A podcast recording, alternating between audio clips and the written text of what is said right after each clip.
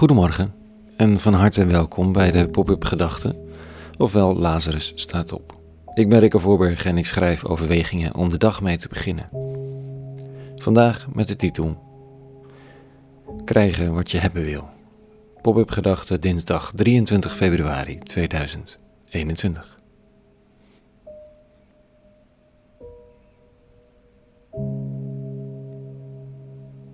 Waar verlang ik naar? Ik hoef niet per se meer te hebben, denk ik. Maar al zijn er een paar dingen die wel echt tof zouden zijn. Ook wat meer grip op mijn agenda en dat ik wat beter kan plannen, bijvoorbeeld. Op het moment dat ik even niet lekker in mijn vel zit, denk ik dat ik maar wat doe. Voelt het allemaal los zand. Een ander wil misschien juist de innerlijke ruimte om de controle en de planningsdrift los te laten. Een derde wil een strakker lijf, een betere baan, een partner, überhaupt een baan. Oh, en natuurlijk dat die vervloekte corona eindelijk het veld ruimt. In de lezing van vanochtend worden er twee manieren van krijgen wat je hebben wil voorgesteld. Die van de zogenaamde heidenen en die van Jezus van Nazareth, waarbij de laatste natuurlijk de voorkeur zou verdienen. Dit staat er. In die tijd zei Jezus dat zijn leerlingen, als u bidt, gebruik dan geen omhaal van woorden, zoals de heidenen. Want deze menen dat ze door hun veelheid van woorden verhoring zullen vinden. Volg een voorbeeld dus niet na, want voordat u hem vraagt, weet uw vader wat u nodig heeft. U moet daarom zo bidden, onze vader die in hemel zijt, uw naam worden geheiligd, etc. En dan volgt dus het onze vader, dat overbekende eenvoudige gebed. Maar even terug naar wat niet de bedoeling is. Want je kunt wel blij of op de automatische piloot het onze vader mompelen. Maar dat is blijkbaar bedoeld als tegengif tegen een andere manier van werken. Die de manier van de zogenaamde heidenen. Want die gebruiken blijkbaar omhaal van woorden bij hun bidden. Blijkbaar is bidden de route voor Joden en heidenen.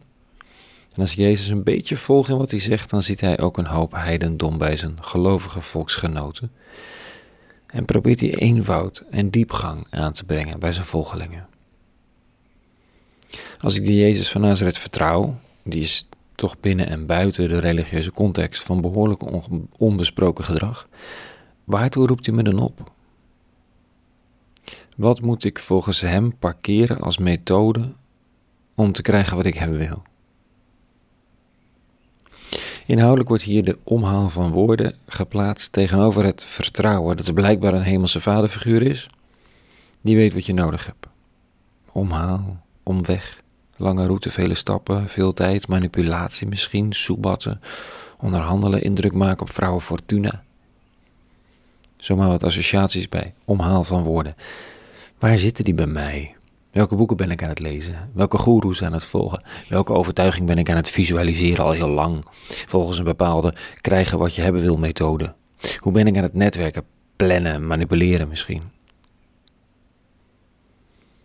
Jezus van Nazareth schetst een luisterend oor, een kloppend hart, een bewogen geest, net direct om ons heen, die donders goed weet wat we nodig hebben.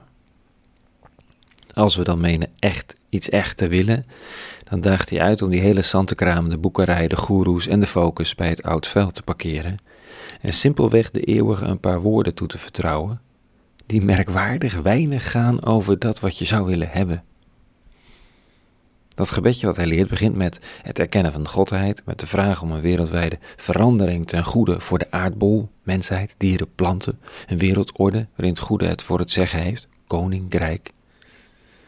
En dan, dan vervolgens dat men weer bidden, dat men weer oren heeft voor de stem van het geweten in de wereld, de wil van de eeuwige, zoals in de hemel, zo ook op de aarde.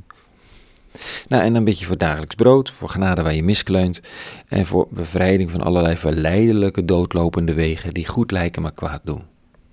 Kwaad aan jezelf of aan de ander. En is er dan ruimte om te zeggen wat je echt hebben wil? Um, nou, nee dan is het gebedje klaar.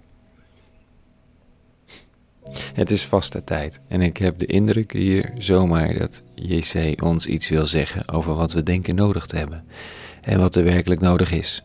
Dat eerste is meestal vrij groot en dat laatste, wat er werkelijk nodig is, vrij klein. Wellicht dat de 40 dagen tijd ons daarin iets te zeggen heeft. Tot zover. Een hele goede dinsdag gewenst. Morgen weer een nieuwe pop-up gedachte. En voor nu, vrede en alle goeds.